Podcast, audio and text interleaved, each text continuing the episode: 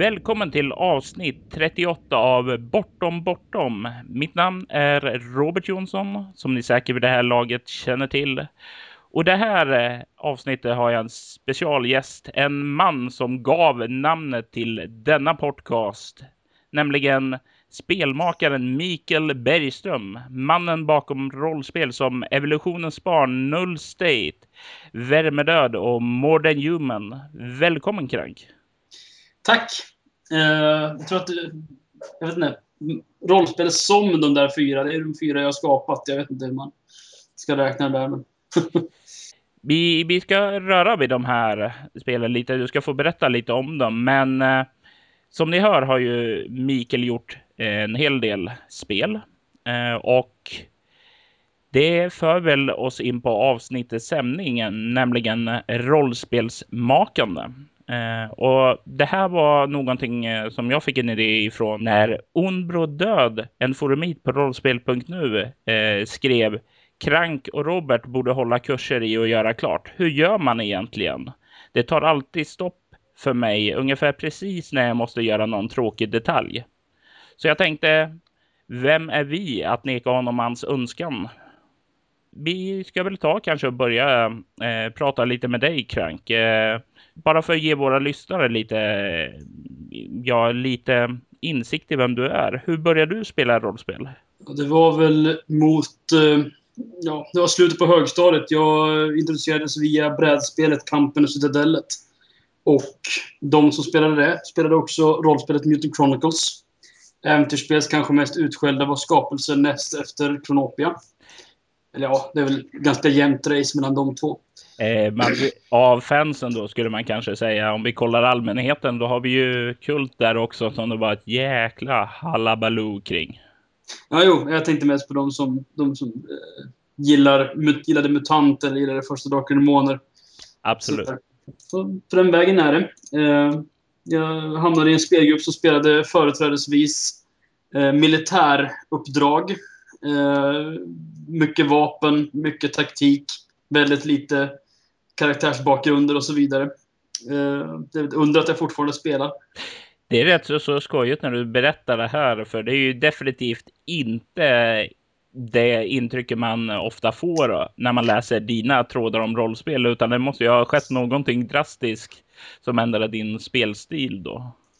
Nej, alltså jag, jag kände väl att den spelstilen passade aldrig riktigt mig. Jag har fått berättat för mig i efterhand att jag tydligen var den första av oss som började fundera på det här med att ge ge rollpersonen en bakgrund och lite mer personlighet och åsikter om saker i spelvärlden och sådär. Så jag rörde mig ganska snabbt bort från det rena militärspelandet och gav mig på jakt efter andra, andra rollspel och kanske ett annat, annat sorts spelande. Så om man börjar väl eh, kolla eh, på dina, eh, dina fyra rollspel du har skapat så ja, de är ju rätt annorlunda allihopa från varandra egentligen. Ehm, ja. Eh, det första rollspelet du skapade hette Evolutionens barn. Eh, vad fick dig att börja med att peta på det? Ja, just det var ett fall av... Det är faktiskt, det är faktiskt det tredje rollspelet jag började på. Ska oh, jag säga. Spännande. Eh, Evolutionens barn. Mitt allra första var, var vad som då hette specialarbete, som då hette projektarbete i gymnasiet.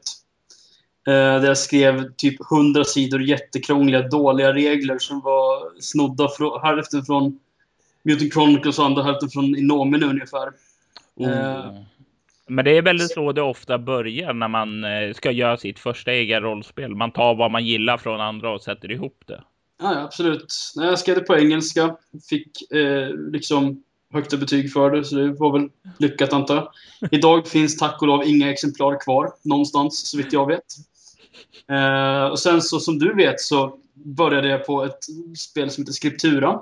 Oh, jag väntar fortfarande på det, Crank. Ja, jag vet att du gör det. Det, det, ligger, det ligger någonstans där i bakgrunden och vilar.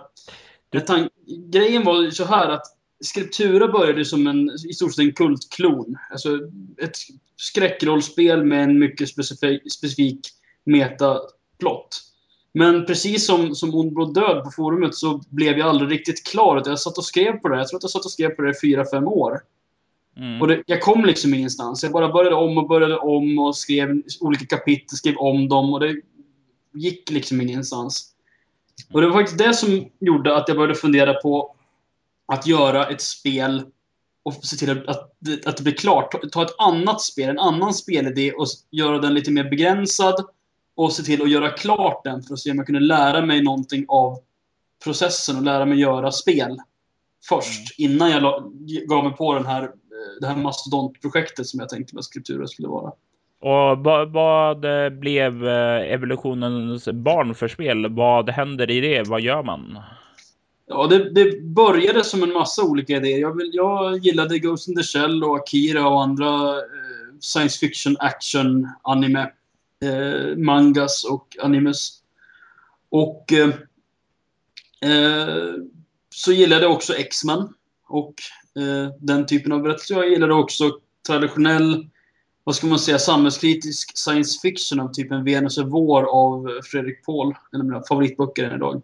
Mm. Och eh, jag försökte liksom bygga någonting på det här. Någon form av samhällskritisk anime-action grej. Så. Och det, det, lyckades väl ganska bra med. Det finns spelas tydligen en del på konvent och så bland uh, indie-crowden. Eh, ja, och det här är ju jätteskojigt tycker jag för Evolutionens barn eh, och även de två nästkommande spelen kan väl ses som eh, indiespel i sig, alltså om man ser det mer till eh, regl hur reglerna är utformade och sådant eh, istället för skapelse och utgivarprocessen. Men när jag tänker på indie tänker jag definitivt inte på eh, dig, utan eh, jag har definitivt mer en traditionell och inlevelse i karaktären när jag tänker på dig. Ja. Alltså det handlar helt enkelt om att jag gillar att utmana mig. Jag har alltid varit sån att jag, jag lär mig genom att, genom att göra saker, genom att skapa saker. Eh, det är samma sak när jag ska lära mig programmera någonting. Jag lär mig genom att göra ett specifikt projekt. Och så funkar det. Alltså, när, vad det är jag ska göra så lär, lär jag mig bäst genom att utföra. Och Eh, jag var nyfiken på de här indiespelen. Jag tyckte inte att de verkade som någonting för mig, men jag ville se om jag kunde förstå vad det var som fick dem att fungera för deras målgrupp.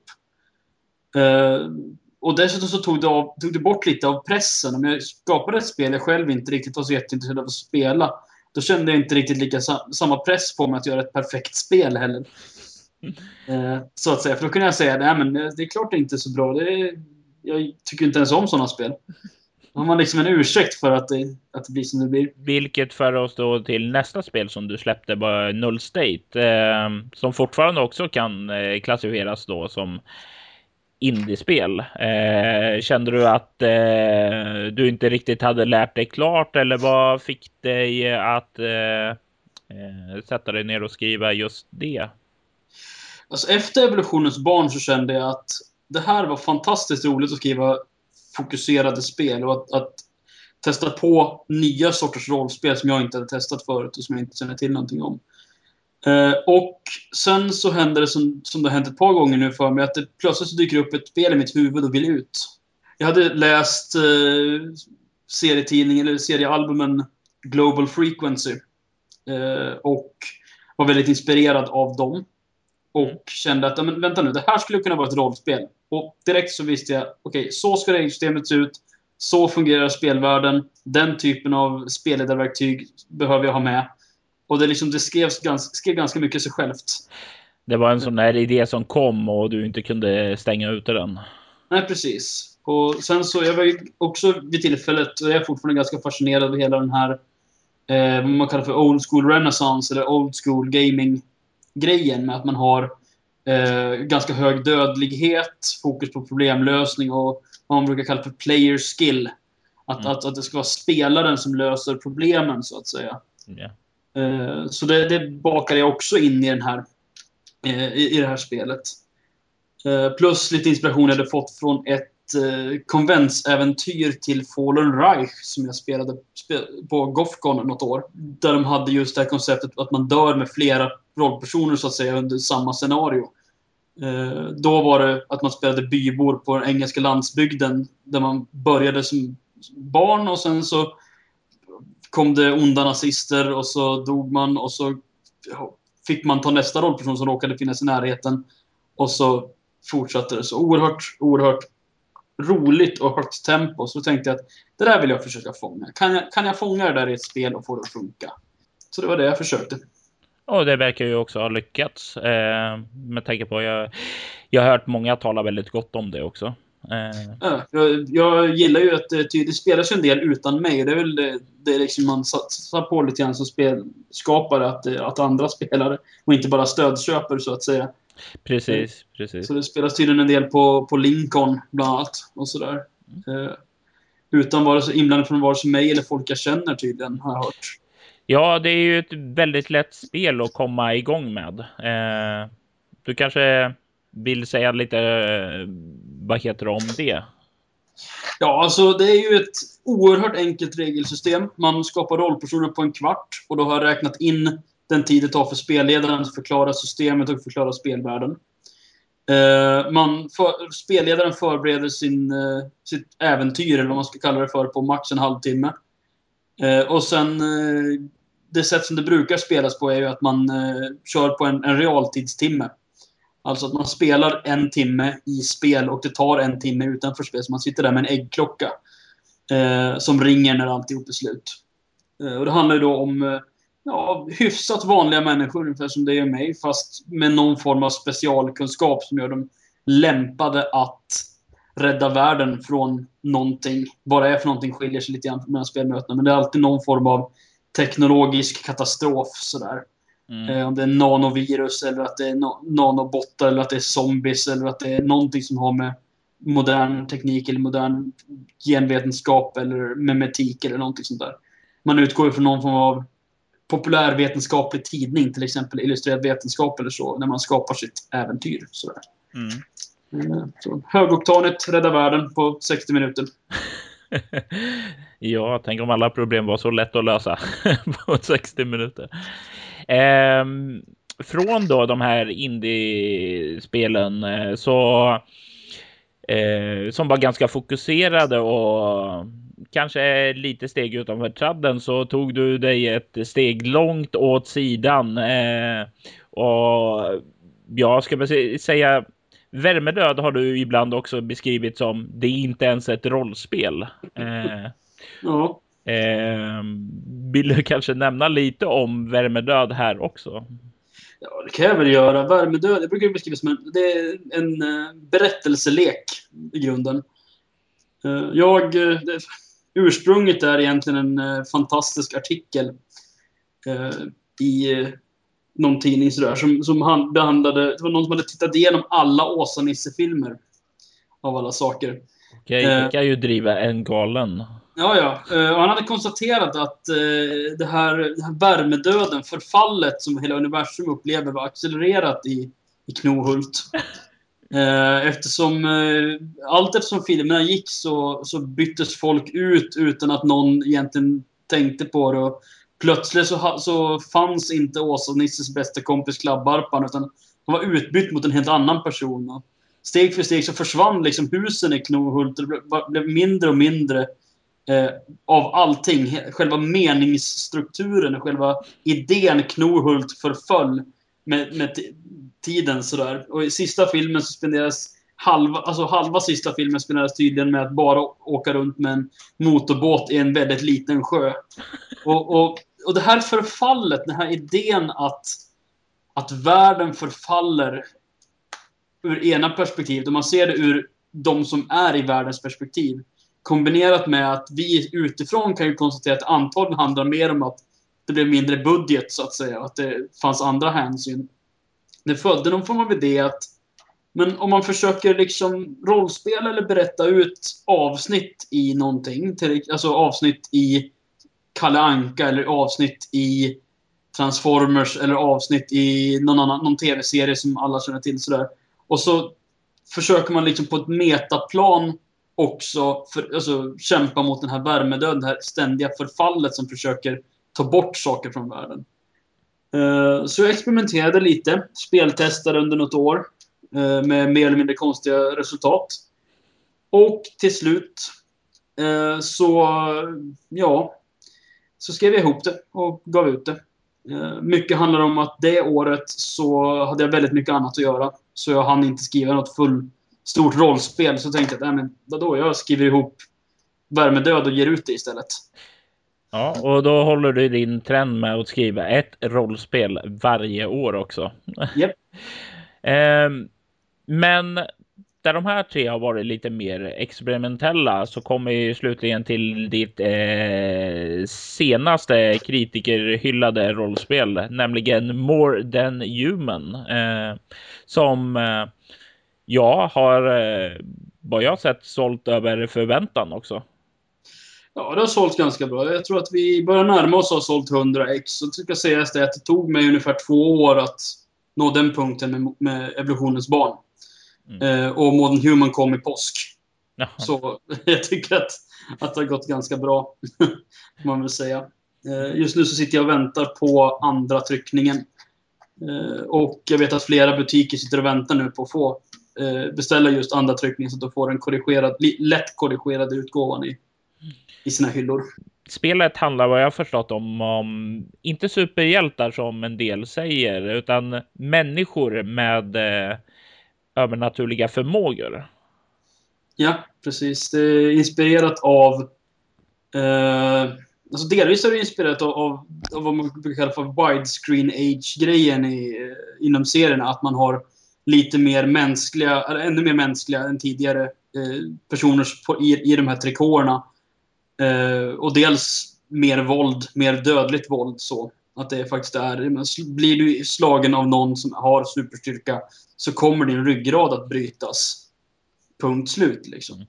Sen var också inspirerad av tv-serier som Heroes eller uh, uh, Misfits. Heter den så? Ja. Om du tänker på den brittiska ja, serien. Ja, brittiska. Precis, den brittiska. Uh, helt lysande. Och, och, lite andra sådana grejer. Och ja, det är ganska traditionellt superhjälte alltså regelsystem. Eh, bygger på ett system som heter Volt. Med, så har vi hängt på lite superkraftspecifika grejer så.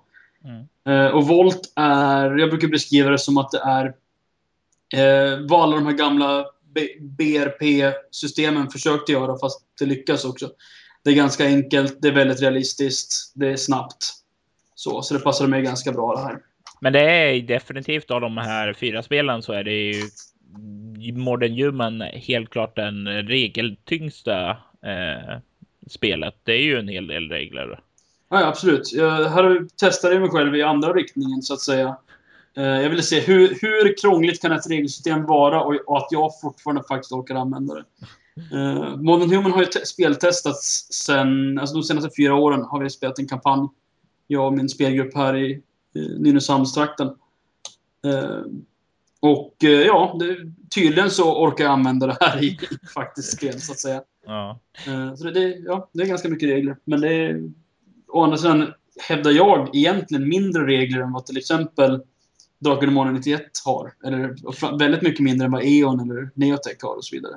Eh, det är ju en, det är lite grann beroende på hur man fokuserar reglerna också. Jag har eh, till Leviathan. Väldigt mycket regler, men det är väldigt mycket regler innan spelet börjar. Att du skapar en bas, karaktärer, går mm. igenom massa olika led.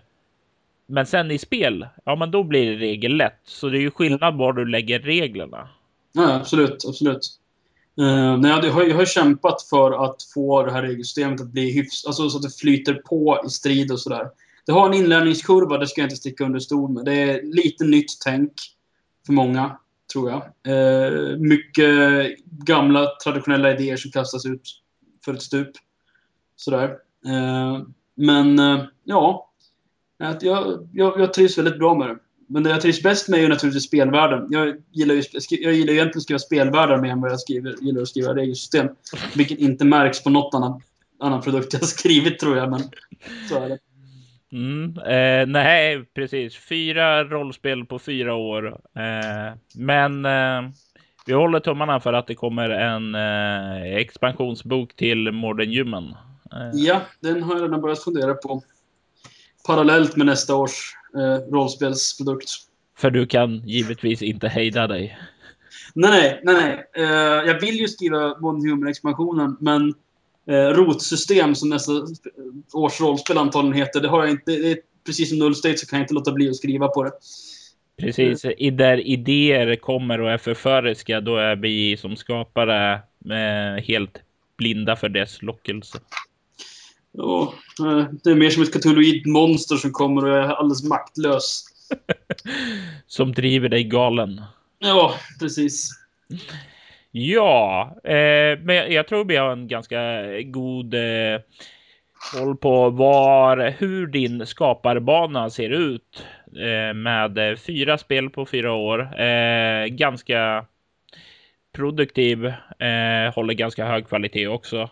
Ja, jag tror inte vi behöver tala om min eh, historia, för om du lyssnar på den här podcasten så borde eh, borde alla redan vara bekant med det. Men eh, vad fick dig att ta första steget att skapa ett rollspel? Att de jag spelade inte dög. Naturligtvis. som, som, som, för de flesta. Man, man sitter där med ja, Mutant Chronicles eller, eller vad det nu är för någonting. Och så tänker man att nej, men det här är ju skit. Det här, det här funkar ju inte. Det här är ett alldeles för krångligt regelsystem. Det här är alldeles för dåligt regelsystem. Det här är alldeles för eh, dålig värld. Jag tycker inte om den här saken i världen. Så då tänker man att ja, men jag kan ju bättre. Ja. Och så blir det inte så mycket bättre. Eftersom det är ens första spel. Mm. Uh, men ja, det var väl så jag började egentligen. Ja, det är ganska roligt för jag hade inte alls den starten utan eh, när jag satte igång och skriva eh, så var det för att ja, men jag har precis som du. Jag eh, är inte den som gillar att skriva regler utan jag gillar att skriva värdberättelser, äventyr och sådana saker. Eh, det är vad som är intressant för mig eh, och det är därför kanske jag bara har gett ut eh, ett, nej, två rollspel nu i samma värld då och håller på med tredje.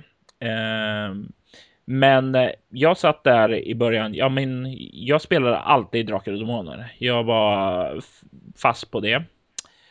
Och eh, ja, jag kände ja, men jag vill också göra ett rollspel som alla spelar. Eh, så då tänkte jag ut en värld och det var en postapokalyptisk värld.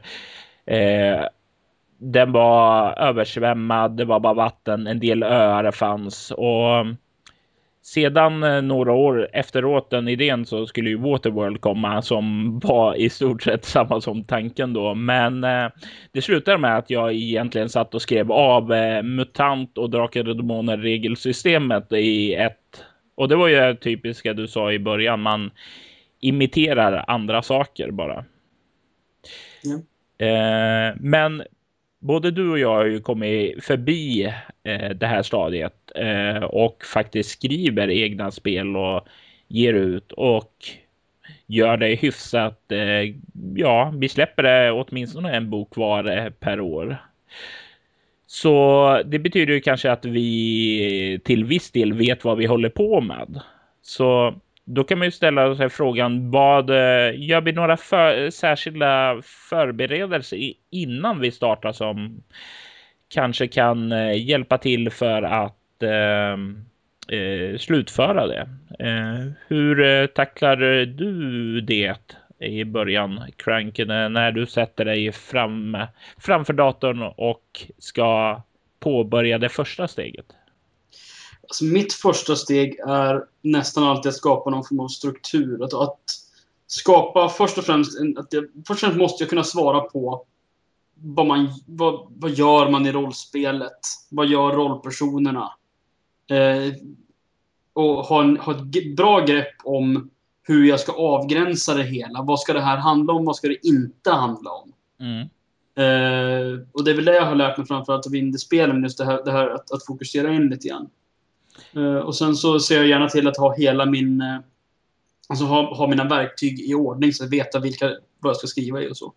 Ja, innan vi går vidare till verktygen då, så säger du någonting som jag tycker är rätt viktigt att tänka på när man sätter sig ner för att skapa. Det är ju nämligen att man avgränsar, för jag tror det kan vara en fälla man verkligen springer in i. Eh, ja, absolut. Jättemånga som börjar skapa rollspel tänker sig att nu ska jag skapa en värld där man kan göra allt.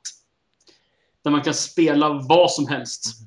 Eh, och det är väl där man går vilse lite grann. För om man försöker göra en värld där man kan spela allt, där man kan göra vad som helst. Och där man, då ramlar man gärna ner i det här man måste detaljera allting också. Man måste ha regler för precis allting. Och då blir man aldrig klar. Mm. Och du kommer dessutom eh, få en väldigt, väldigt, eh, vad ska man säga, blek värld också. Genom att fokusera den så kan du ta fram särskild stämning i just ditt spel som får det att stå ut. Ja, absolut. Så det, det är väl definitivt ett eh, tips som eh, jag eh, tycker att man bör trycka på att försöka komma på vad som man ska göra, vad för stämning du vill ha och fokusera där. För det är första steget att eh, eh, för att faktiskt få ett fungerande rollspel. Eh. Det, det, här har ju det som fördelen att man, alltså, man får med sig en fördel här och det är att är spelet fokuserat då blir det jättemycket lättare för andra att fatta spelet. Dels blir det lättare att pitcha det för potentiella liksom köpare och läsare och spelare. Och dels så blir det mycket lättare för spelledare som köper det här spelet att skapa äventyr och kampanjer och även innan köpet och föreställa sig hur man skapar kampanjer.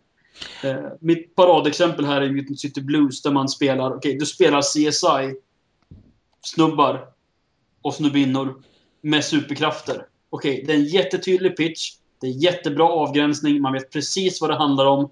Alla är direkt på banan. Det behövs ingen liksom lång introduktion. SL vet precis vilken typ av äventyr man skapar. Det är liksom klart. Mm. Och, så det hjälper både spelskapandet och sen så får man också hjälp som spelledare. Och även som spelare när man ska skapa sin rollperson. Så fokus hjälper alla egentligen.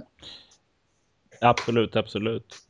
Eh, det slog mig nu. Eh, du har ju berättat när du talade lite om eh, eh både mm, Null State, eh, lite grann eh, fick jag även intryck i Värmedöd också, men framför framförallt kanske nu också rotsystem, nämligen att idéerna eh, kommer att kidnappa din kropp eh, och får dig att eh, skriva dem. Eh, men eh, hur, eh, alltså hur, när du får själva idén att det här vill jag skriva ett rollspel om, eh, vad är det första du gör med den idén? Det, ofta så får den gro i ett par år först. Eh, naturligtvis. Det, det, ingen idé kommer till mig, alltså få idéer kommer till mig och är helt, liksom helt färdiga. Eh, Null State är väl undantag, men de andra idéerna har alla, alla liksom grott ett tag först. Men sen gör, jag, sen gör jag en outline. Jag noterar vilka ungefär kapitel kommer jag behöva. Mm. Så. För då får jag ett grepp om ungefär vad jag kommer att behöva ha med. Det är väl liksom nästan det första jag gör. Så. Ja, det är intressant där, för det är exakt likadant. Mina idéer, alltså det som jag skriver idag, nu ta till exempel Leviathan. Det går tillbaka nästan mellan eh, år eh, 2000-2005 där de första idéerna sakta växte till. Och alltså, det innebär ju typ att jag ligger tio år efter med mina idéer. Sen givetvis så kommer det in impulser som förändrar ursprungliga idén. Men det är ändå en ganska... Idén får gro väldigt, väldigt länge först. Ja. Alltså så var det för mig med rotsystem också. Rotsystem började ju egentligen som två olika spelidéer. Uh, dels, uh, det ska ju handla om, det är ju en kombination med en grön, grön postapokalyps och uh, retro-cyberpunk, brukar jag kalla för. Cyberpunk utan trådlösa nätverk och sådär. Mm. Och jag var fascinerad av båda, men det var inte förrän jag kom på idén att ja, men det här är ju samma spel såklart. Mm. Då tände det till. Då behövde det här skrivas omedelbart när jag kom på det. Och så har det varit med alla, alla mina spel. Att det, evolutionens barn låg och liksom grodde till sig i 5-6 år innan jag fick impulsen att ja, men det är klart, det här ska vara ett indiespel. Det, då, då, funkar det så här. Då, får, då kan jag sätta ihop det på det här sättet. Mm. Då passar pusselbitarna ihop. Mm. Skriptura började egentligen som en idé också typ två, tre år innan det först ens gick att spela. Eh, jag hade först bara en idé om att jag ville ha, ha med liksom, eh, en viss mytologi. Men det var inte först jag kom på att jag också ville ha med konspirationer, alltså mäns mänskliga konspirationer av typen Illuminati och så vidare. Det var då det först blev ett, ett fungerande spel, en, en fungerande idé. Mm. Så ofta för mig så är det, man har en grundidé, men det går inte riktigt att spela än. Och så får man liksom vänta på tillräckligt mycket impulser som modifierar den här idén och lägger till och griper tag och bildar en komplett helhet på något sätt. Det tror jag överlag också är en sak som kan stärka din eh, idé är att du tar eh, inte bara och kör på just den här idén du får nu, utan ja, låt den gro lite stund. Ta gärna någon annan idé och se om eh, de kan kombineras. För eh, det är oftast genom att kombinera den som du kan få ett lite större djup i det hela. Eh, du kan istället för bara ett lager av spelet så kan du få flera. Ja, absolut. Men du talade lite om verktyg. Eh, ja. Eh, ska vi gå vidare på det spåret? Eh, när du väl sätter igång och börjar arbeta, vad använder du för verktyg då? Ja, det, jag har ju experimenterat en hel del med olika verktyg. Alltid på, på liksom, jag letar alltid efter nya, nya sätt att effektivisera mitt arbetsflöde. Vid det här laget så har jag ganska bra idé om, om vilka krav jag har och vilka steg jag går igenom. Mm. Eh, när man pratar om programmering och sånt så brukar man prata om att man har en toolchain. Alltså, det är vissa verktyg som griper tag i varandra. Mm. Eh, för min del så är det, just nu, nu jag börjar i någon form av outliner, något sätt att göra en, en outline, en, en skissad bild av eh, kapitlen helt enkelt. Vilken struktur spelet ska ha. Och det gör jag ju då, då, då behöver jag ett program som tillåter mig att flytta runt på till exempel underrubriker, till och med att byta nivåer på saker och ting. Så det är en typ, en typ av verktyg. så. Uh, sitter man med Word så kan man använda dispositionsläget till exempel. Jag använder just nu uh, ett, en online-mjukvara som heter Checklist. Som egentligen är en att göra-lista-grej sådär. Yeah. Uh, efter det så behöver jag någonting som jag kan skriva i. Och jag har helt gett upp tanken på att skriva i någonting som är eh, ett, ett liksom, program på datorn. Utan numera skriver jag allting i Google Docs. Mm. Du är inte orolig över att eh, eh, Google plötsligt ska stänga ned och sådant som de till exempel gör nu med eh, Google Reader och sådant. Att du ska bli, eh, ja ska man säga, blottläggd på något sätt. Jag har ett verktyg på min hårddisk som, kommer, som eh, är nästan färdigt. Som jag kommer att använda för, som jag kommer snart börja använda för att eh, någon gång i veckan ta backup på alla mina Google Docs-dokument och filer. Eh, så att som des, då, då, dels kommer finnas backupade på min eh, hårddisk här hemma och på min eh, betallösning, betalbackup-lösning som jag eh, har. Mm. Eh, så gör jag mina, mina mail just nu. Jag är definitivt för att man har multipla backuper för precis allting. Eh, det är därför jag jobbar i Google Docs, för att jag vågar inte lita på att just den här datorn jag jobbar vid, just det här USB-minnet jag har mina grejer på, kommer att överleva, så att säga. Mm. Yes. Eh, det är, jag kan inte understryka om hur viktigt det är med att ha multipla backups. Jag har eh, jag förlorade en hel eh, korrekturgenomgång eh, av eh, ett äventyr som heter Blod och pussel. Det blir så där lagom kul att sätta sig med dig igen och gå igenom alla anteckningar och föra in dem igen. Eh. Ja. Eh, på tal om korrektur, då kan jag nämna Google Docs igen. För det är därför jag skriver i Google Docs. Det är stor, stor anledning till varför jag skriver i Google Docs och inte bara har mina Word-filer i Dropbox till exempel. Och det är ju att Google Docs tillåter ju att man kör korrläsning direkt i dokumentet man har skrivit. Så. Det, det, det, det, är ju liksom en viktig del, det är en väldigt viktig del i min process. För jag vill ha mycket input. Så jag vill att så många som möjligt ska kunna läsa dokumentet, skriva vad de tycker och kommentera. Om de då jobbar i samma dokument så slipper jag hela det här jobbet med att sammanföra olika dokument som folk har korrat och skickat tillbaks och sådär. Mm. Eh, du, det låter ju definitivt. Eh, I crossover-avsnittet jag gjorde med Wilhelm Persson som har skrivit bland annat Medan världen går under höstdimma och sådant så talar ju han väldigt mycket om att eh, det, det många sådana här eh, som inte har skrivit någonting är så väldigt rädda att dela med sig av idéerna de har skrivit. Att ja, men tänk om någon snor den och sådant. Eh, och visst, eh, ja, jag kan ju säga som så här. Eh, de som har egna idéer och känner att eh, de, eller rättare sagt, de som kan skriva det här, de har tillräckligt många egna idéer för att inte hinna klart med sina. Så eh, det finns ju verkligen ingen eh, form av rädsla man behöver ha för att visa upp saker och ting. Nej, och sen så, jag menar, om de tror att man kommer att sno deras idéer och tjäna pengar på dem, då kan man väl säga så här att... Eh, nej. Nej, Nej. precis. Um, det är ju i stort sett, du kan bara få en positiv eh, sak av det hela.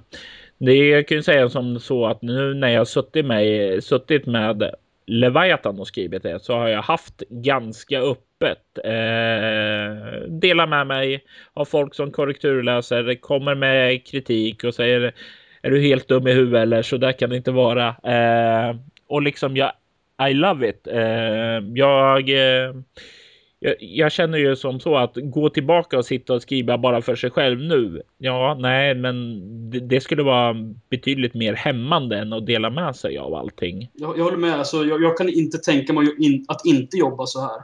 För min text är inte... Alltså min text blir så mycket bättre av att andra tycker saker om den. Så länge jag kan vara ödmjuk nog att, att liksom acceptera att andra har åsikter, även negativa sådana, och att man kan ta in kritik Mm. Eh, och att man även känner att ja, men jag behöver faktiskt inte bry mig om allting de säger heller. Om jag inte håller med om någonting kan jag faktiskt bara kasta den här kommentaren. Men man får så pass mycket tillbaka. Texterna blir så mycket bättre av att man får andra, fler ögon på dem. Ja, och det är ju viktig, väldigt viktig sak att kunna ta kritik då. Alltså, för det är ingen som går in med eh, glasögonen att nu jävlar ska jag såra den här personens känslor, utan de kommer ju med kritiken eh, förhoppningsvis i alla fall för att de vill ju att ditt spel ska bli bättre. Eh, och... Det, det, det gäller att kunna lita på dem. Alltså man måste lita på att de som skriver det här, även om man inte håller med dem alla gånger, så vill ju de samma sak som du vill. Det vill säga, de vill att spelet ska bli bra. Sen kan ni ha olika åsikter om vad som är ett bra spel. Men det är aldrig så att någon går in och var elak, som du säger. Nej. Uh, och jag, jag har generellt, alltså jag har ju generellt en jäkla massa korrläsare på mina spel. Jag har ju haft 10-20 korrläsare på alla mina spel hittills. Mm. Och det är jag oerhört nöjd med. Och ingen av dem har kommit med kommentarer jag skulle kalla elaka. Eh, de har kunnat vara petiga ibland. Eh, och det är jag väldigt tack tacksam för. Modern Human Modern Humans text är enormt mycket bättre eh, tack vare till exempel Katrin Hagemeyer som gjorde ett fantastiskt jobb och drog igenom hela texten och påpekade tusentals små språkliga missar jag hade gjort.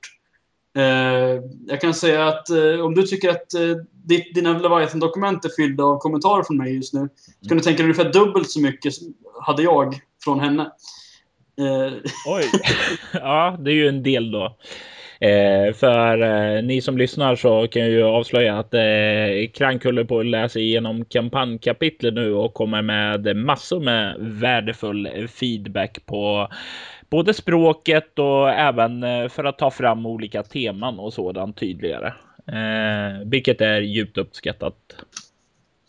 Ja, det, är, det är sånt som jag hoppas att folk vill göra åt mig, så det är väl klart att jag försöker liksom hjälpa till om jag kan. Precis, och och det är ju så en sak som är väldigt värdefull, för det är ju till exempel rollspel.nu. De eh, öppnar upp ibland så här rollspelmakarcirklar där, eh, vad heter det, andra eh, som sysslar med rollspel är med och helt enkelt kommentera andra så kommenterar de dina, liksom ge och ta. Mm. Yes. Och det är ju väldigt, väldigt nyttigt då att eh, få input i andras rollspel också, hur de skapar och tänker.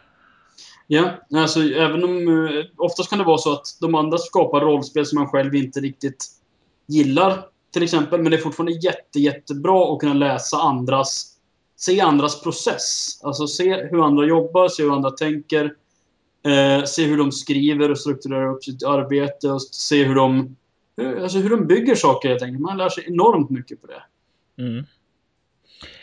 Eh, så när vi har en idé, vi har även eh, lite grann ehm, eh, tanke om vad spelet ska handla om, eh, hur vi ska tackla vad heter det, skrivandet. Men har vi då några särskilda målsättningar vi, när vi börjar skapandet? tänker vi format när det ska ges ut? Eh, om det ska vara det här och det här typsnittet och så vidare och så vidare. Hur mycket har vi klart när vi börjar skriva? För egen del ska jag säga att jag brukar... Alltså tidigare har jag, har jag haft samma tryckeri från första tre spelen. Eh, vilket är publikt? Det, det, är publikt. Eh, sen har jag haft Vulkan på Modern Human och det blir antagligen publikt för rotsystem. Eh, så. Eh, när det gäller format Ja, alltså jag har väl ofta en idé om ungefär hur jag tänkte mig att det skulle se ut, men ingenting eh, jättedetaljerat när det gäller layout och så. Det får ofta växa fram under, under arbetet. Jag gör små layout-skisser i eh, Indesign medan jag skriver sådär. Mm. Uh, när, när, publikationen ska ske. Jag har ju alltid samma, samma deadline varje år. Jag, jag lanserar på Gothcon varje år. Det är min målsättning. Mm. Ja, jag kan ju säga som så. Jag är ju lite... När jag började skriva bortom så hade jag ingen som helst koll på typsnitt eller någonting alls där, utan jag hade en ungefärlig, bara som du sa, outline som vad som skulle fylla och så text och sådant. Och det snurrade på där och fick formges i slutet. Men sedan det, sedan det var publicerat så för mig, för att underlätta mitt skrivande, så använder jag väldigt, väldigt mycket av formatmallar när jag skriver. Alltså, jag, det underlättar för mig om jag eh, har rubrikteknik, rubrikteckensnittet eh, som spelet använder sig av har olika rubriknivåer Eh, finns det en eh, textruta som ska vara, ja men då, då är det indrag i texten, alltså alla de här markörerna. Eh, för det hjälper mig att visualisera texten hur eh, det kommer att se ut. Och då får jag också ett hum om eh, hur det kommer se ut på bladet. Ja. Eh, och nu när jag suttit och börjat arbeta med Leviathan så har jag ju redan från början tänkt igenom ungefär hur ska layouten se ut? Hur vill jag ha den? Eh, eftersom jag till skillnad då från bortom inte har en ingrodd mall.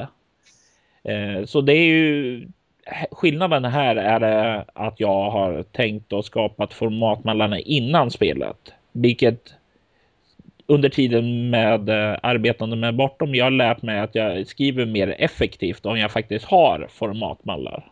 Ja. Jag, jag är ju raka motsatsen där. uh, jag, jag, är inte riktigt på nivån att jag vill ha helt vad, vad de brukar kalla för distraction free writing, där de bara har liksom helt vit skärm, svart text och så skriver man. Och det uh, låter definitivt som min samhällslärare. Att ni får inte formatera texten någonting. Det gör ni sist. Ja. Uh, däremot så jag, alltså jag uh, var, jag använde, under ganska lång tid så använde jag ett eh, språk som heter latesh när jag skrev eh, mina texter. Och det är ju ett, eh, det är så kallat markup-språk, det vill säga man ser inte riktigt hur det kommer att se ut när man skriver. Man markerar bara det här ska vara en rubrik. Man markerar genom att före rubriken skriva någonting och skriva någonting efter rubriken för att markera att här ska rubriken ta slut. Samma sak med fetstil. Så jag säger att det här ska vara, ha en fas. Jag säger att det här ska vara liksom fet. Det här ska vara ännu en rubrik. Och, och, för mig är det sättet att jobba väldigt, väldigt befriande eftersom eh, om jag bara tänker vad, det, vad, vad, som är själva texten och inte utseendet så, så kan jag fokusera mer på att formulera mig snarare än att få det att se bra ut på en sida. Och det gör att det blir bättre text för mig. Uh, och i Google Docs så jag, alltså jag använder ju standardformatmallarna. Jag ändrar ingenting uh, i dem. Jag, skri- jag använder rubrik 1, 2 och 3 och sen så använder jag vanliga eh, normal. Liksom. Det är knappt jag använder kursivstil eller fetstil. Eh, överhuvudtaget. Jag, jag skriver och strukturerar upp det och sen har jag ett eh, litet skript som jag har skrivit som förvandlar det här till ett format som Indesign kan läsa rakt av och så designar i Indesign sen. Mm. Eh, så att säga. Eh, hela Modern Human ska jag säga, det tog ungefär en vecka att layouta. Ja, okay. Så ty tydligen så funkar det ganska bra, åtminstone för mig. Precis. Eh, och det här är ju egentligen eh, första gången vi eh, verkligen har skilda Eh, sätt att tackla saker och ting. Och då kanske det är värt att säga att eh, bara för det fungerar eh, för Mikael på ett sätt och för mig på ett annat så betyder det kanske inte att det det kommer att, att du kanske gillar något av vårat utan du kanske har ett tredje sätt att tackla saken på och det är ju väldigt, väldigt viktigt att du du själv som vill skapa rollspel letar reda på vad som fungerar för dig. För vi är alla individer. Ja, absolut. Alltså, du får gärna testa våra sätt. Det, något av dem kanske funkar för dig. Men, och jag menar, det är inte som att jag tänker försöka övertala Robert om att mitt sätt minsann är det ultimat bästa som han också borde använda.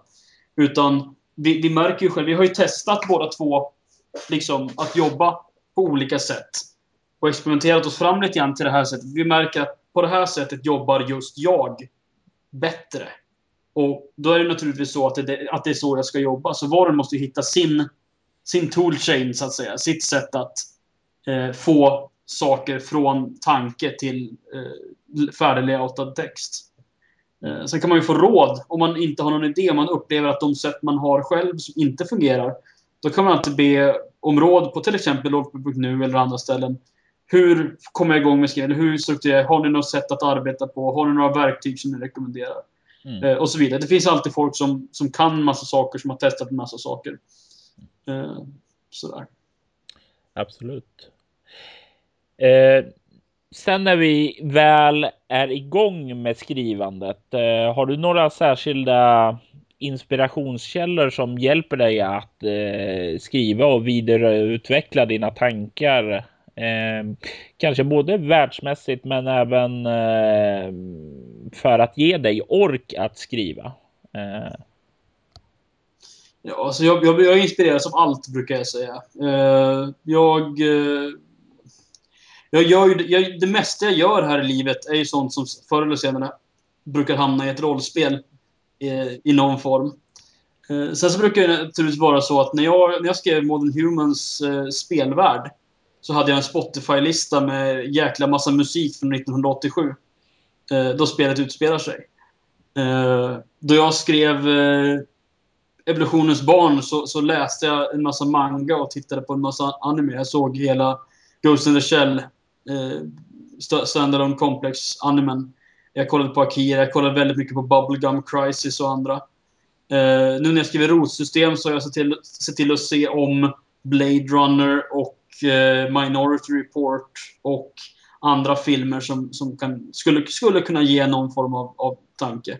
Så jag försöker ju alltid liksom fördjupa mig och försöka liksom djupdyka i den känsla eller den kultur eller den, det kulturuttryck som jag försöker efterskapa och liksom, som jag försöker eh, få in i, i rollspelsmedieform så att säga. Eh, så jag har, jag har, det är sällan så att jag kan säga att jag har någon specifik grej, men alla, varje rollspel har ju sina inspirationskällor. Eh, som jag försöker liksom hitta och jobba med.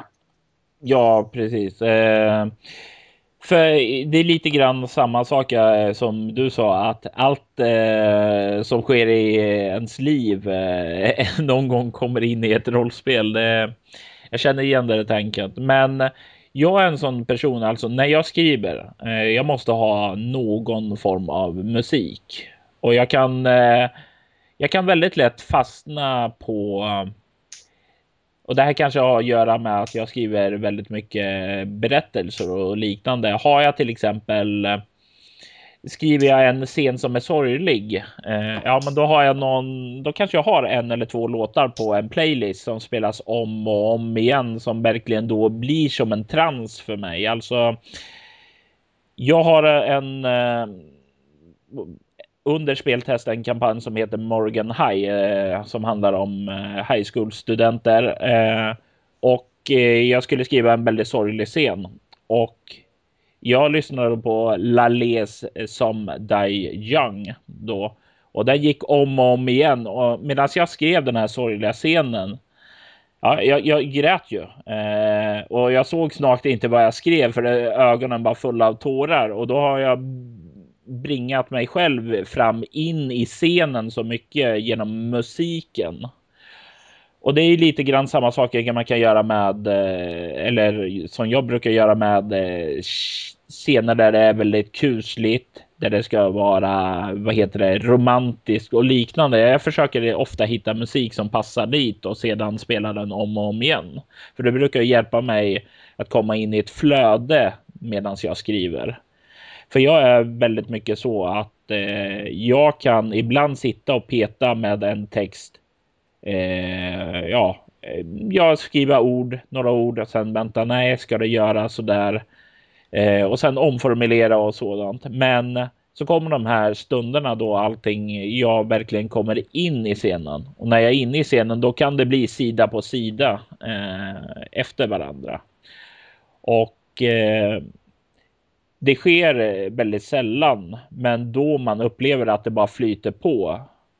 Eh, det är ju de stunderna man eh, får en kick av som eh, spelskapare då. Ja. Ja, alltså jag, jag, ska säga det att för mig handlar det mycket om att jag inte är så, jag, jag, är inte så ljudfokuserad som människa. Jag lyssnar väldigt lite på musik. Jag eh, klarar inte av att lyssna på, jag, jag klarar inte, inte av ljudböcker till exempel. Jag klarar av att lyssna max fem minuter på en ljudbok innan jag tappar koncentrationen alldeles och måste spola tillbaks. Eh, av den anledningen lyssnar jag heller inte, inte typ någonting på podcasts. Vad lämpligt då. eh, så jag kommer, att, jag kommer att slippa höra mig själv här sen. Eh, vilket är betryggande. Andra ord, jag kan redigera dig hur jag vill. Ja, det är, det är helt fritt fram. Uh, nej, så, så, jag vet inte, jag, jag har väl alltid varit så att jag bor mer i mitt eget huvud egentligen än vad jag bor utanför det så att säga. Mm. Uh, så jag gör väl inte den typen av stimuli. Däremot så måste jag mata min, mitt huvud väldigt mycket med uh, idéer och annat. För att, för att komma in i, den här, i det här nästan translika tillståndet som du beskriver. Jag kommer också in i det, men jag måste för mig måste det handla mer om att jag måste ladda mig med en massa kreativ energi. Och en massa idéer som, som krockar med varandra och som, som får igång det här flödet för mig. Men det, då, då, då visar ju verkligen vi, vi har lite olika metoder för att nå till det här flödet. Alltså, jag sätter mig ned vid datorn försöker eh, finna musik som har den här känslan och sedan eh, binda den här transen genom att upprepa den om och om, och om igen så text och sådant smälter bort. Medan du snarare innan letar efter eh, saker och proppar dig så full med inspiration och så som möjligt så att du får den här kreativa kicken när du väl sätter dig ner. Ja. Sen så tror jag att jag, jag skriver ju inte så mycket just berättelser på det sättet, eller liksom scener. Eh, sen så är jag, inte, jag, är, jag är ganska medioker som, som prosaförfattare. Eh, och försöker undvika det så mycket jag kan. Det blir mest korta, alltså väldigt korta stämningsstycken och sånt där som jag hade i Monument Newman till exempel. Eh, vilket delvis antar har att göra med att jag inte är speciellt mycket av en, av en känslomänniska överhuvudtaget. Jag använder mig väldigt sällan av av känslor på det sättet. Mm. Ja, nej, men alla är ju olika på så sätt. Eh, jag, jag är ju väldigt mycket av en känslomänniska och gillar eh, att fånga sådana känslor. Jag ska inte säga att jag är någon bra prosaskrivare, men eh, jag kastar mig gladeligen framåt och inåt och i det, för det är enda sättet man blir bättre av det. Och sen lyssna givetvis på all kritik man får. För det är så vi blir bättre. Ja, absolut. Vi har ju talat en hel del om Google Docs som eh, verktyg och ja, ja, och sen nämnde du ett annat program som jag alltid har kallat för Latex, eh, inte Latex eller vad du Latex. Ja, jag, jag uttalade det fel jättelänge också. Eh, ska eh. säga. Men så, så, är det när man mest kommer i kontakt med saker i textform. Mm. Uh, jag, jag trodde ju jättelänge att det hette frimurarloge till exempel. Mm. Ja, eh, sen, sen, så är det ju, det stavas ju latex också.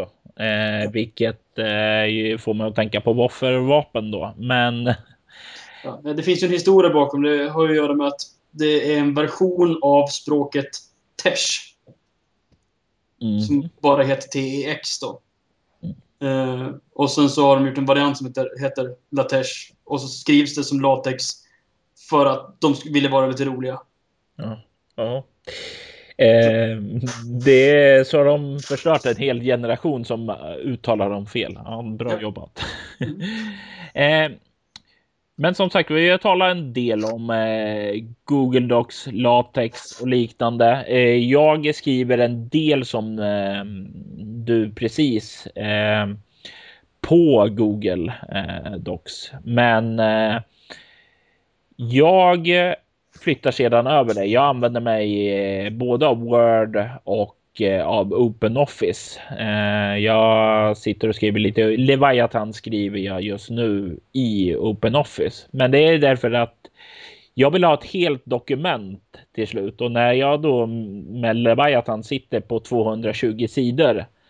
Ja, skulle jag slänga in det i Google Docs så skulle min dator eh, krascha och dö eh, när jag öppnar det dokumentet. Samtidigt som jag då inte kan göra alla mina formatmallar och så som jag vill och behöver. Mm. Eh, så jag, men jag brukar börja skriva ett utkast av texten i Google Docs eh, och sedan flytta över allting när det börjar när jag har tillräckligt stor del klart av alla kapitel och sen fintrimma dem om och om igen. Och efter det är klart och nu kommer det till det väldigt omständiga så tar jag klipper ut vardera kapitel, flyttar tillbaka dem till Open Office eller till Google Doc så att andra kan eh, gå in, kommentera, ge kritik. Och när jag får in det, ja, då får jag in eh, det även i Google Docs och i Open Office dokumentet. Så jag sitter här och gör dubbelarbete egentligen som man inte skulle behöva. Och det här är ju så väldigt, väldigt omständigt och det är ju definitivt inte vad jag rekommenderar till eh, någon att göra. Men eh, jag har alltid haft en tendens att göra det krångligare för mig och eh, göra vad man inte borde göra. Men utöver det, använder du några andra eh, under ditt spelmakande? Använder du andra verktyg? Alltså egentligen så, själva, själva texten går egentligen bara igenom de stadierna. Jag har en outliner som skriver i Google Docs. Och sen har jag ett egenskapat litet skript som förvandlar Google Docs-texten till någonting som kan gå in i Indesign. Och det är först i Indesign det blir ett helt dokument. Sen så använder jag ju, alltså Indesign är mitt favorit, favoritprogram i hela världen tror jag. Det är helt fantastiskt. Jag kan inte tänka mig att använda någonting annat för att layouta riktigt. Eh, I dagsläget. Ehm, och det, jag, jag kan det ganska bra och det funkar väldigt bra. Sen så använder jag ju naturligtvis de andra grejerna i Adobe-sviten också. Jag använder ju Photoshop för att göra färgkorrigeringar till exempel. Eh, många illustratörer har ju många färgbilder i Modern Human till exempel. Och ingen av illustratörerna hade ju naturligtvis producerat i eh, eh, CMYK, alltså den färgskala som används i tryck av färgbilder. Eh, och då finns det vissa färger som funkar sämre i tryck än vad de gör på skärm. Och så var jag tvungen att fippla fram och tillbaka för att få till en... Eh, alltså bilder som såg någorlunda ut i tryck. Sådär. Mm. Eh, sen så använder jag väldigt mycket Illustrator också. Det är också ett av mina favoritprogram. Eh, Vad gör man i Illustrator för de som mot all förmodan inte känner till det? Ja, i Illustrator gör man... Man kan väl beskriva det som så här. De flesta bilder man ser är eh, uppbyggda på internet och sådär, och i böcker för en del, är uppbyggda av, av pixlar, små, små bildpunkter. Eh, I Illustrator så är bilderna uppbyggda istället av eh, punkter och streck. Programmet kommer ihåg att där finns det en punkt och där finns det en punkt och sen finns det ett streck mellan dem. Och fördelen med det här, istället för att komma ihåg precis vilken färg varje liten bildpunkt har, är att bilderna du får ut från Illustrator kan du zooma in i hur mycket som helst. Du kan ha dem som ett brevhuvud eller du kan, du kan trycka upp dem på en husvägg. Och det blir, de förlorar aldrig skärpan. De blir inte suddiga när man förstorar dem. Man kan eh, man får knivskarpa kanter även så. Eh, sen så är det så att jag inte kan rita. Eh, Välkommen till klubben! Mhm. Eh, Så när jag då till exempel ville ha i, i Modern Human vill jag, vill jag ha lite illustrationer av typiska 80-talsprodukter. Som till exempel en Walkman. Eh, eller en, eh, en, mobiltelefon så som de såg ut eh, 1987. Eh, tegelstens och sådär. Och eftersom mina illustratörer var fullt upptagna med att rita superhjältar eh, så vill jag ju inte ta, ta bort dem från det arbetet så att säga. Så då satte jag mig ner och eh, pillade med, med kurvor och punkter. För även om jag inte kan rita så kan jag fortfarande... Och så länge jag kan liksom leka med en linje tills jag är färdig med den. Böj, ändra vinkeln på den och ändra hur den kurvas alltså och hur tjock den är och så vidare. Vilket man kan göra i Illustrator. Tills man är nöjd. Så kan även jag producera saker som, som eh, fungerar, så att säga. Nu får, nu får du lämna klubben för det klarar inte jag av. Eh, jag, eh, jag kan lära dig någon gång. Ja du, eh, nu vet du inte vad det ger dig in i. Eh, du tänk... blir det mycket lättare om man har ett foto som grund och bara liksom flyttar punkterna dit de ska vara i fotot. Ah, okej, okay. men det är lite gamla kalkeringsprincipen. Ja, i stort sett så. Så efter ett tag, alltså, när man har tränat så ett tag, det är som, som när man skapar rollspel. Först härmar man. Mm. Och sen blir man bättre och sen så efter ett tag så börjar man kunna producera lite, lite egna grejer. Och sen så blir man lite mer egna grejer och så vidare. Uh, Illustrator funkar också jättebra för att göra uh, alltså, kartor uppifrån och sådär. Uh, så precis så ska göra kartor till ett uh, Modern Human-äventyr till Phoenix till exempel. Som jag kommer att göra i, i Illustrator. Ja, jag kan ju inte direkt ge så mycket tips på program utanför själva skrivandet eftersom jag layoutar inte mina egna saker utan det lämnar jag vidare till Tina Engström på Mylingspel då. Eh, jag har, eh, vad heter det, till en del äventyr gjort i eh, kartor. Antingen har jag ritat kartan själv med eh, blyertspenna på papper och skanna in den och sen bearbetat eh, kartorna i eh, ja, ett bildredigeringsprogram av något slag eh, eller skapa kartan eh, direkt där i. Eh, men det, det, är egentligen då bara bildredigeringsprogrammet som jag använder i själva skapandet. Jag kan nämna ett annat verktyg som jag varmt kan rekommendera. Det är att se till att ha någonting att skriva på jämt. Gå aldrig någonstans utan någonting att skriva på. Punkt. Utropstecken eller något. Uh, jag, jag har min mobil. Där har jag, jag använder Evernote på mobilen eller, eller Google Docs eller Google Drive på, på mobilen. Uh, för att kunna... Ibland när man är ute och går eller när man är i en helt annan situation så kommer man... Ja, men så ska det vara. Och då må, måste man kunna skriva ner det så att man har det redo. Mm. Uh, en del brukar tipsa om att man ska ha någonting liggandes bredvid sängen när man sover för att kunna skriva ner saker man kommer på under natten. Jag tycker att man ska göra det jämt. Man ska alltid ha med sig någonting som kan antecknas på. Och tänk på att faktiskt också använda det också. Anteckna när du kommer på saker. Ovärderligt verktyg. Absolut, absolut. Jag är inte riktigt lika high tech för det, som du, utan eh, det tar för lång tid för mig att skriva på min telefon. Så jag har en vanlig svart anteckningsbok alltid med mig i fickan. Eh, ja. För den här idén som du behövde kan komma när som helst. Eh, och om du inte skriver ner den där så kan du glömma den och så sitter du där framför datorn sen och sliter ditt hår och tänker vad fan var det där som jag tänkte på nu? Ja. Jag, jag har, oftast har jag, har jag en ryggsäck med mig och i det så har jag faktiskt anteckningsblock också. Eh, för jag skriver en del i det och jag, framförallt så ritar jag mycket i det. Kartor och sånt ritar jag väldigt mycket i rutade anteckningsblock. Mm. Eh, och där kan jag också tip, tipsa om att testa lite olika pennor jag har upptäckt hur viktigt det är att ha, att ha en penna man trivs med. Jag kan inte rita med blyertspennor till exempel. Mm. Uh, det, det, det, mediet funkar inte med det. blir för svaga streck. Jag gillar inte känslan av hur spetsen träffar pappret sådär. Mm. Uh, just nu så använder jag en, en svart uh, bläckpenna med väldigt, väldigt smalt stift. Det är väldigt, ja. väldigt smal liksom, rityta. Och mm. Sådana finns ju liksom hyfsat billigt i vilken bokhandel som helst, men har hjälpt mig jättemycket för att det gör att jag kan, jag kan rita och jag kan skriva på ett sätt som, som funkar för mig. Mm. Eh, och det här är högst individuellt, men jag kan verkligen tipsa om att, att testa lite olika, både saker att skriva på och saker att skriva med. För det här är också, som, som allting annat, högst individuellt. Ja, och det är ju det som är det viktigaste med alla verktyg. Att hitta saker och ting som passar ditt eget behov. Eh, är du digital, ja men använd digitala grejer. Är du analog, använd analogt. Eh, det viktiga är ju inte exakt vad du sitter med utan det är hur de eh, tar tillvara kreativiteten hos dig själv.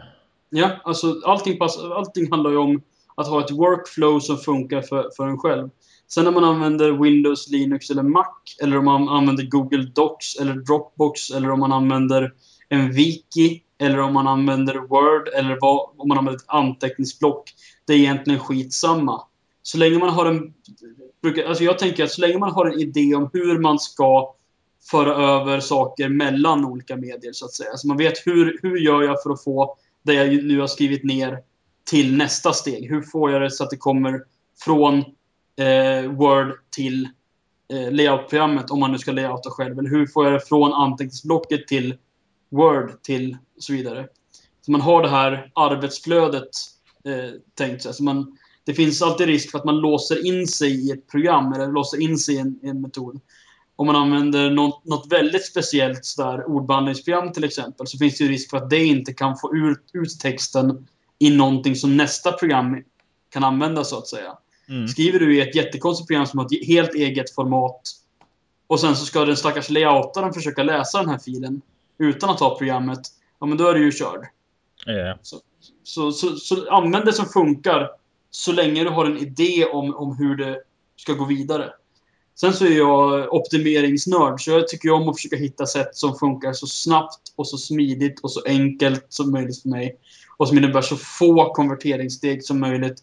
Och som använder så lite arbete som inte är kreativt som möjligt för mig. Mm. Men, men det är ju liksom någonting som jag gillar att göra. Jag gillar att ha ett optimerat arbetsflöde. Jag vet att andra ser det som ett egenvärde att ha även verktygsbyggandet till exempel. Jag vet en uh, forumit som jag frivilligt har glömt bort vem det är, som sitter och skriver egna scripts i Linux för att på olika sätt förvandla format mellan varandra och sådär. Och ser det som en del av hans kreativa process. Mm. Uh, och det kan jag förstå. Det funkar inte för mig. Men, men jag kan förstå att det är det ger honom en, en, en eh, närhet och en, en förtrolighet med den text han har skrivit och det, det material han har skapat som, som jag får på andra sätt, så att säga. Mm. Uh. Och ju, precis, han har ju hittat vad som funkar för honom och det är eh, ett av de stora sakerna som hjälper dig att få klart ditt eget spelprojekt. Men eh, om vi ska tala lite grann om misstag. Eh, för misstag är ju sådant som vi alla har gjort och sådant som vi fortfarande gör. Hallå, backup crusher. eh, vad är ehm, om vi, jag tänkte vi kanske ska nämna lite om några misstag som kan ske under själva skapandet så att andra kanske inte behöver upprepa dem. Ja, ja. Eh, sen så tror jag att, att eh, man ska, jag tycker att man ska sikta på att ett första spel kommer att bli skit ändå. Så det, det, det Men, finns ju ett eh, ordspråk som heter att du, innan du kan skriva någon bra så har du 10 000 ord eh, av skit framför dig. Ja, men ungefär. Eh, men men alltså, om man ska titta på, på vanliga misstag som, som spelskapare brukar göra. Det är ju, förut, några av det har vi ju redan nämnt. Till exempel den här tendensen att vara hemlighetsfull. Mm. Tror, jag, tror jag är ett misstag. Eh, in, så länge, alltså man kan ju vara hemlighetsfull så länge man är det av en kreativ anledning. Men att vara hemlighetsfull för att man tror att någon ska sno ens idéer tror jag bara är dödfött. Det, eh. det, det, kan ju bara, som sa, om du har ett spel som bygger på en story som eh, bara kan upplevas en gång. Mm. Ja, men då, då kanske det finns en poäng. Men ja. då kan du oftast försöka tala om mekaniker eller något sådant istället utan att av, avslöja allt fluff. Ja, absolut.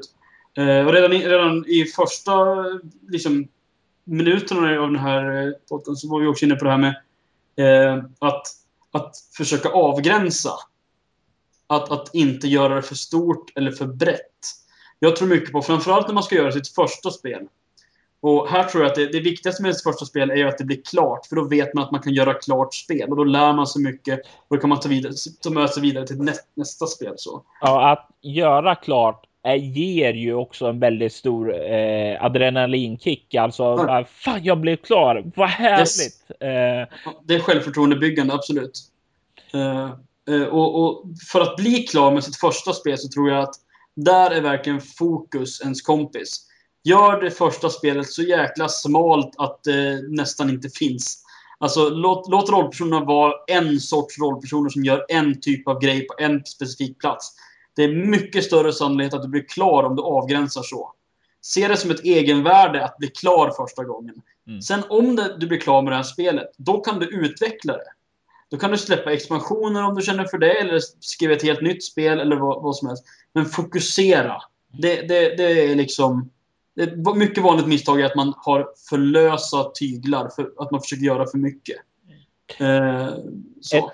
Mm. En annan sak som är väldigt, väldigt viktig att tänka på är att det, det är faktiskt okej okay att göra misstag också. Eh, skriv, det är viktigare som du säger skriva klart än att skriva bra. Men ja. liksom eh, jag går inte det här tankereglerna ihop efteråt, ja då behöver du inte känna fan allting var bortkastat utan för varje misstag du har gjort under den här resan så har du lärt dig ju då en läxa att aha, men om jag gör så här, det funkar inte. Ja, men vad bra, då, då gör något annat till nästa. Eh, ja, absolut. Och det är ju verkligen eh, en eh, stor vinst med att faktiskt bara kräma på och göra klart. För då får du så mycket lärdomar under vägen också. Ja.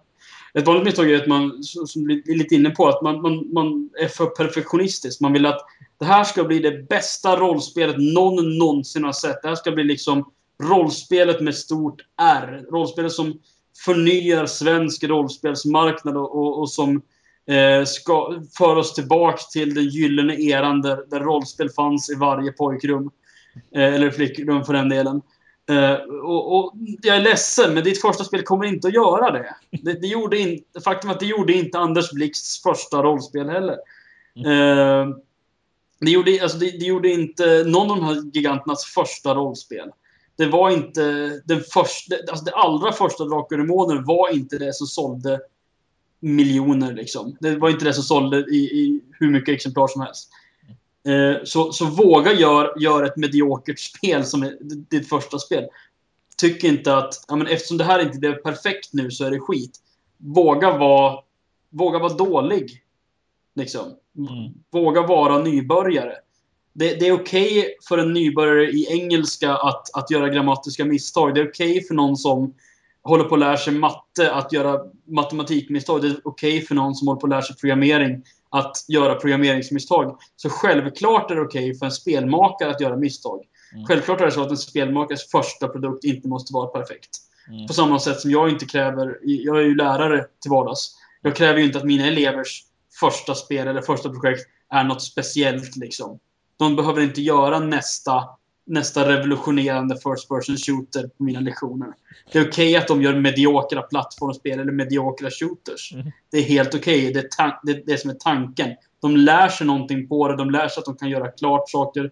De får ett självförtroende i att de kan göra grejer. Vi var lite inne på det tidigare, nämligen det här med att vara öppen om saker. Och Eh, det är väldigt, väldigt viktigt att eh, inte lätt bli sårad också. Alltså när du får kommentarer på texten.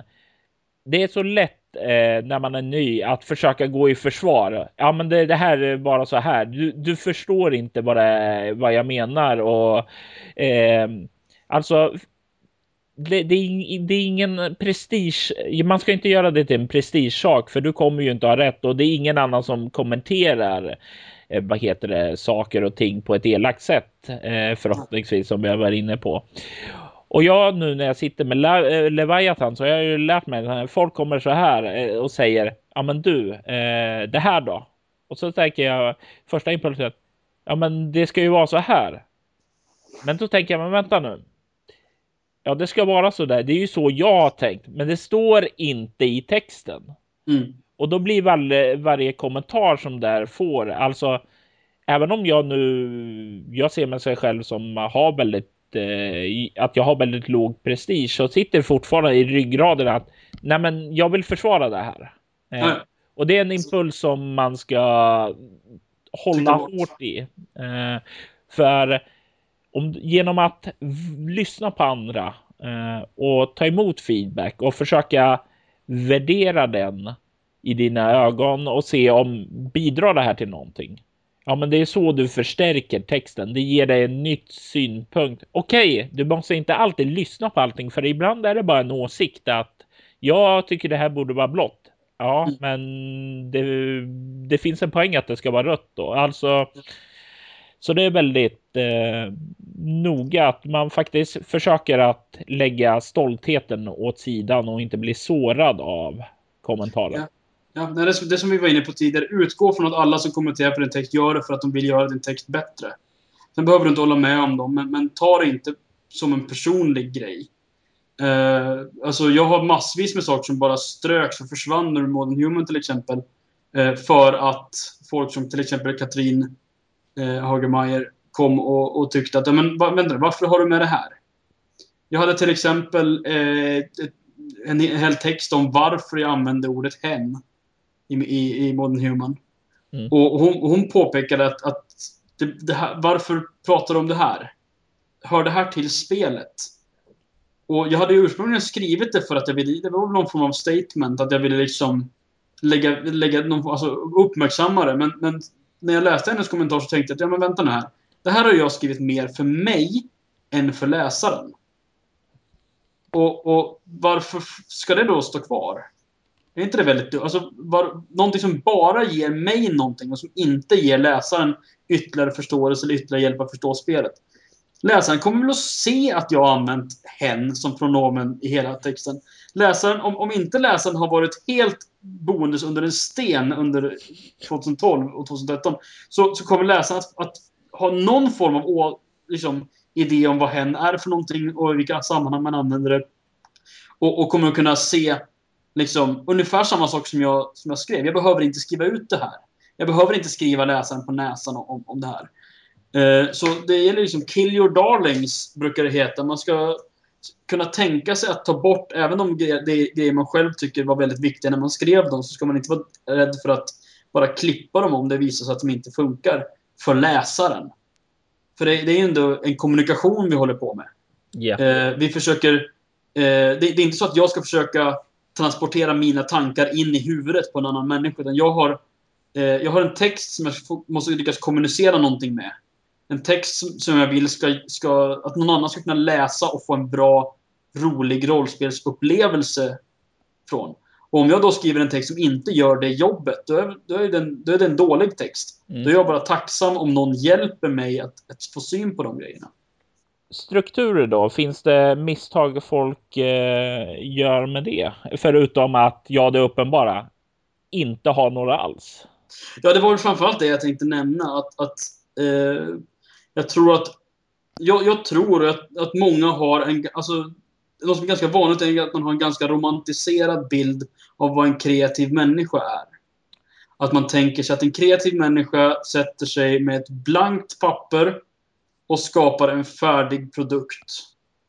Det, här, och det, det ska man väl vara medveten om att, att nästan alla konstnärer använder någon form av förlaga när de ritar.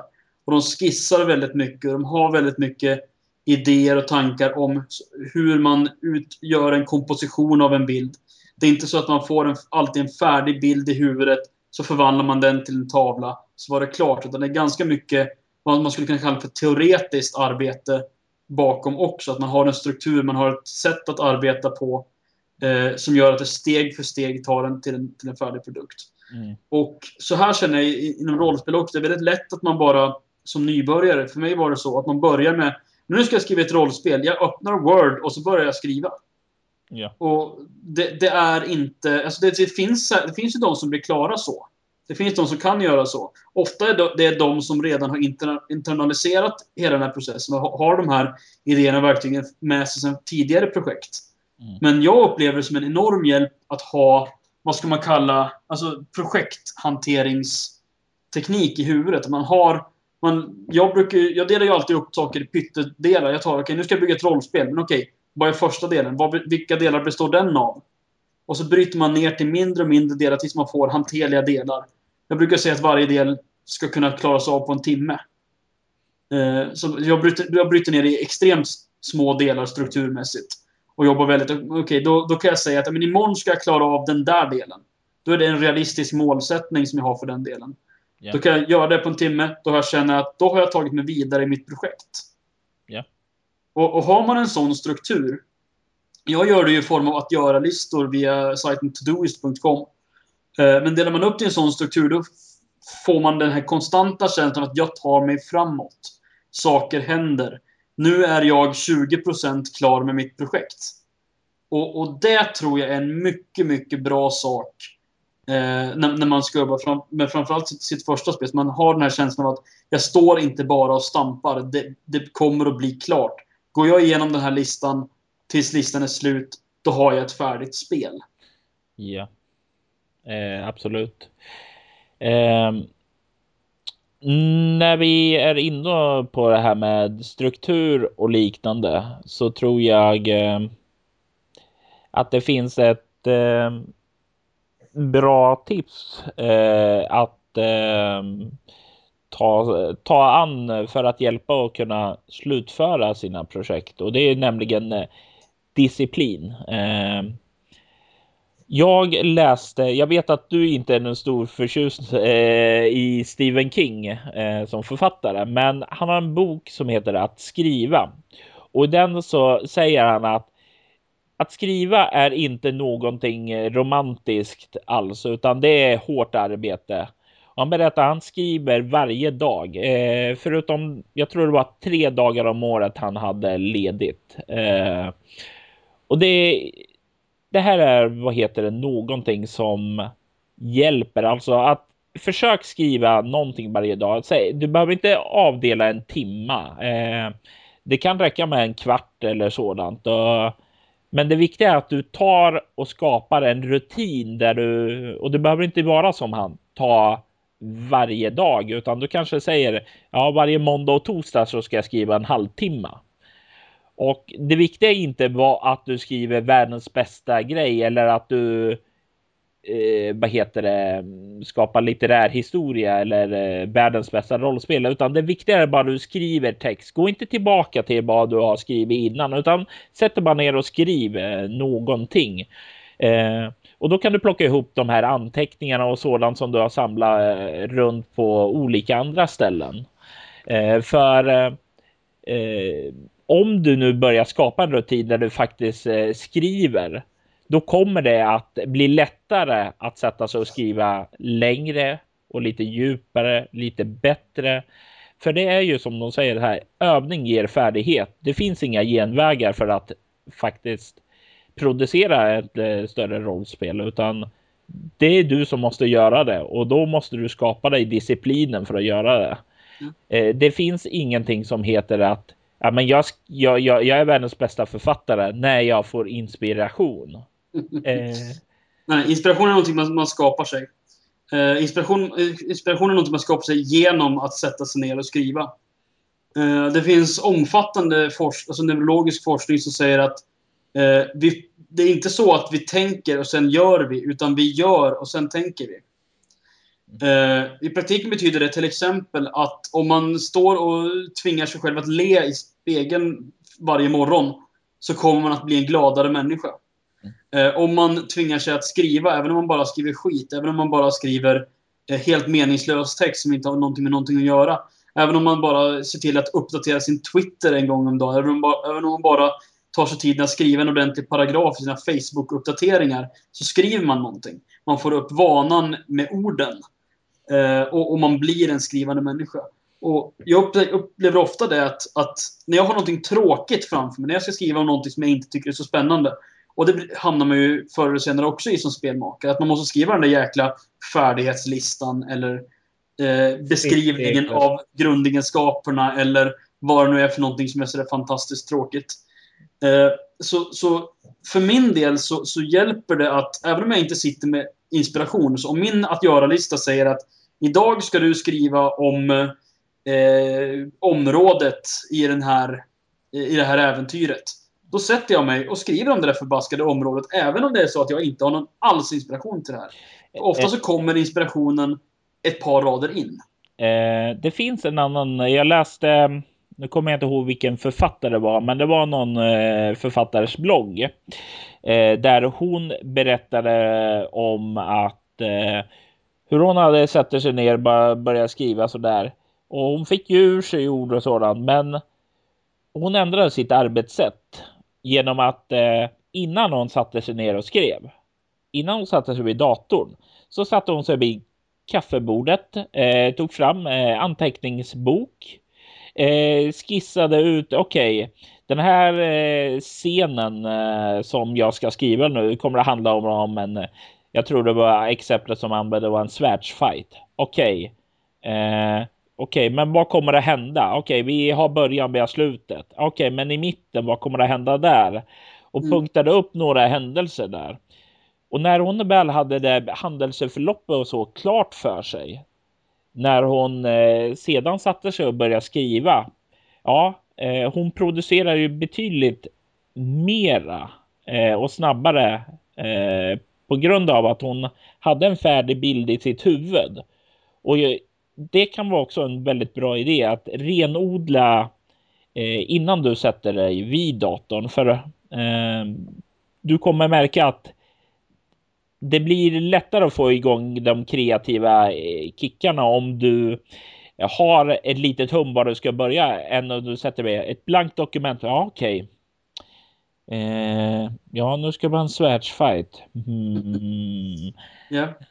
Jag, jag, känner igen det jättemycket, även om jag eh, har... Även om jag kör, sköter den första delen på, på datorn också. så att säga. Eh, när jag pratar om mina, eh, mina outlines så kan jag säga att jag börjar på kapitelnivå, men sen skriver jag in dels underkapitel. Under varje underkapitel skriver jag okej, okay, eh, grundegenskaper. Okay, vad ska vilka grundegenskaper ska jag ha? Vad ska jag skriva de här grundegenskaperna? Jag försöker alltid skapa en punktlista över varje eh, vad ska man säga, varje underrubrik får en liten punktlista. Det här ska tas upp här. Bara i punktform, det är, in, det är fult och dåligt, man kan inte läsa det om man inte är med. Uh, och framförallt så är det inte inte begripligt, man kan inte få några sammanhang, man kan inte spela spelet av att ha läst det här så att säga. Mm. Men, men det är en idé för mig så att jag vet, jag vet att jag får, kommer få med allting. Och jag har en bra, ett bra hum om vad som ska in under varje. Så. Sen så brukar jag tänka att okay, varje rad på den här den brukar kunna fyllas ut till ungefär ett stycke. Eh, så sen så är det, det enda jobbet sen, då är det kreativa jobbet gjort egentligen. Det enda jag behöver göra sen är att sätta mig och fylla ut de där stödorden, eller vad man ska säga. Mm. Eh, så att det blir en, hel, en, en, begriplig mening. Så jag kommer aldrig till riktigt det här tunga att man måste skriva en lång text, utan jag kan ta, okej, okay, nu tar jag det där stöd, stödordet, förvandlar det till en paragraf, klart. Nästa. Mm. Och det är ju ett väldigt bra tips för att faktiskt få eh, slutföra sina projekt. Att eh, ingen, det känns inte som ett oöverstigligt berg och du får hela tiden känsla av eh, progress. Alltså, ja. eh, och känner, känner du att du har att det är problem för dig att skriva mycket så tycker jag det är en väldigt bra start att göra en disposition i början dela in det i rubriker och sedan bara ta en rubrik åt gången. Ja. Alltså det, det, det behöver inte bli... Så ju mer man delar upp det, desto mer hanterat blir det. Det är samma, samma tips som jag brukar ge till mina elever när de känner att någon skoluppgift är liksom oändligt stor. Eller när de känner att de har hur mycket som helst att göra. Nu, just nu är de ju jättestressade för att de snart ska få sina betyg.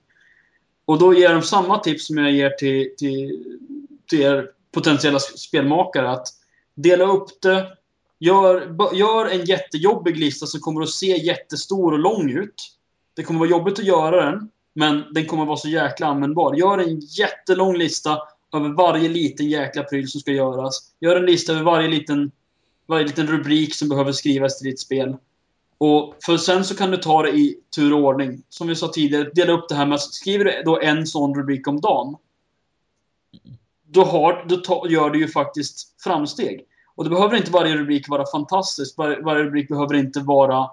Eh, alltså det behöver inte vara jättebra just då, för sen kommer du att visa det här för andra, eller hur? Mm. Som vi redan har sagt. Visa det här för andra, få in kommentarer. Så språket kommer att förbättras, tydligheten kommer att förbättras. Viktigast när du skriver är att det blir skrivet.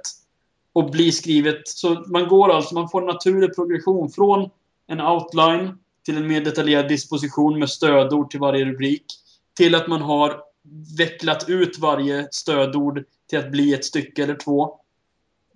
Och sen får man input och så får man ändringar.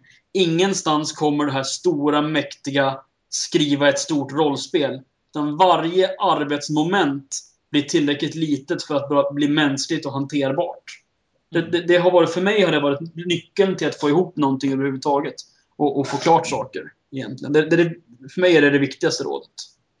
Och, och eh, som sagt var, eh, fyra rollspel på fyra år. Det känns ju definitivt som det finns lite visdom där bakom det. Eh, jag tror med det att vi börjar ha tömt ut våra, eh, våran säck över eh, tips och sådant. Eh, om inte du har några sista ord, Krank? Uh, inte som jag kommer på just nu faktiskt. Vi får se. Jag funderar på att skriva en artikelserie om den här saken också sen vid något tillfälle. Så får vi se om det dyker upp något nytt tills dess. Med det så börjar det bli dags att runda av. Men innan vi gör det så vill jag tipsa er alla att eh, springa iväg och köpa speltidningen Fenix eh, där det i senaste numret finns en eh, Bortom-artikel som heter Hjälp för barnlösa par skrivet av Anneli och Nils Erik Johansson. Eh, det är, en, eh, det är ett uppslag som kan användas eh, till bortom för att skapa en berättelse. Det finns ett par små berättelsefrön som även underlättar för karaktärerna att komma in i berättelsen. Ni kan även ta och eh, läsa recensionen av Noas Noahs sista drag eh, som är en berättelse till Bortom. Och fick ganska god kritik. Det rekommenderades av Åsa Roos som recenserade den. Att den introducerade spelarna bra till både Bortoms värld och till organisationens Fate och att det var en ypperlig kampanj för nybörjare att sätta tänderna i då den var precis lagom lång.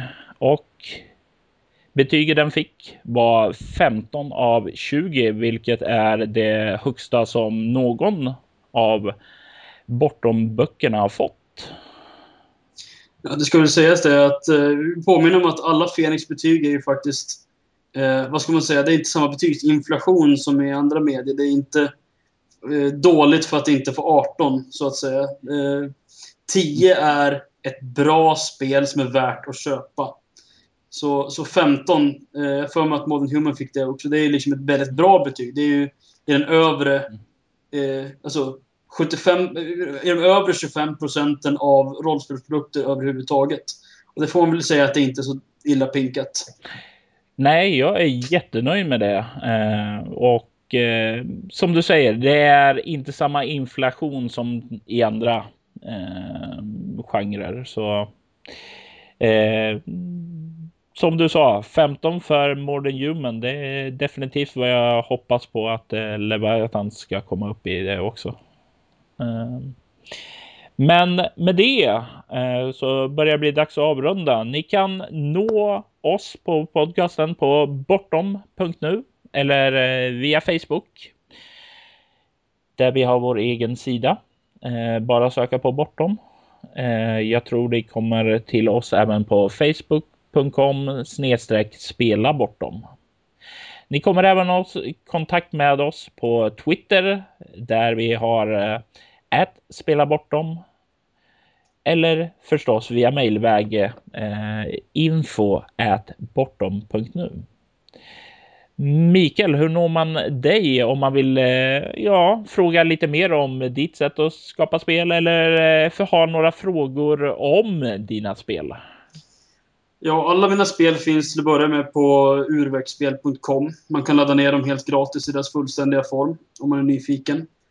Mm. Eh, sen så, jag finns på Facebook, heter Mikael Bergström där.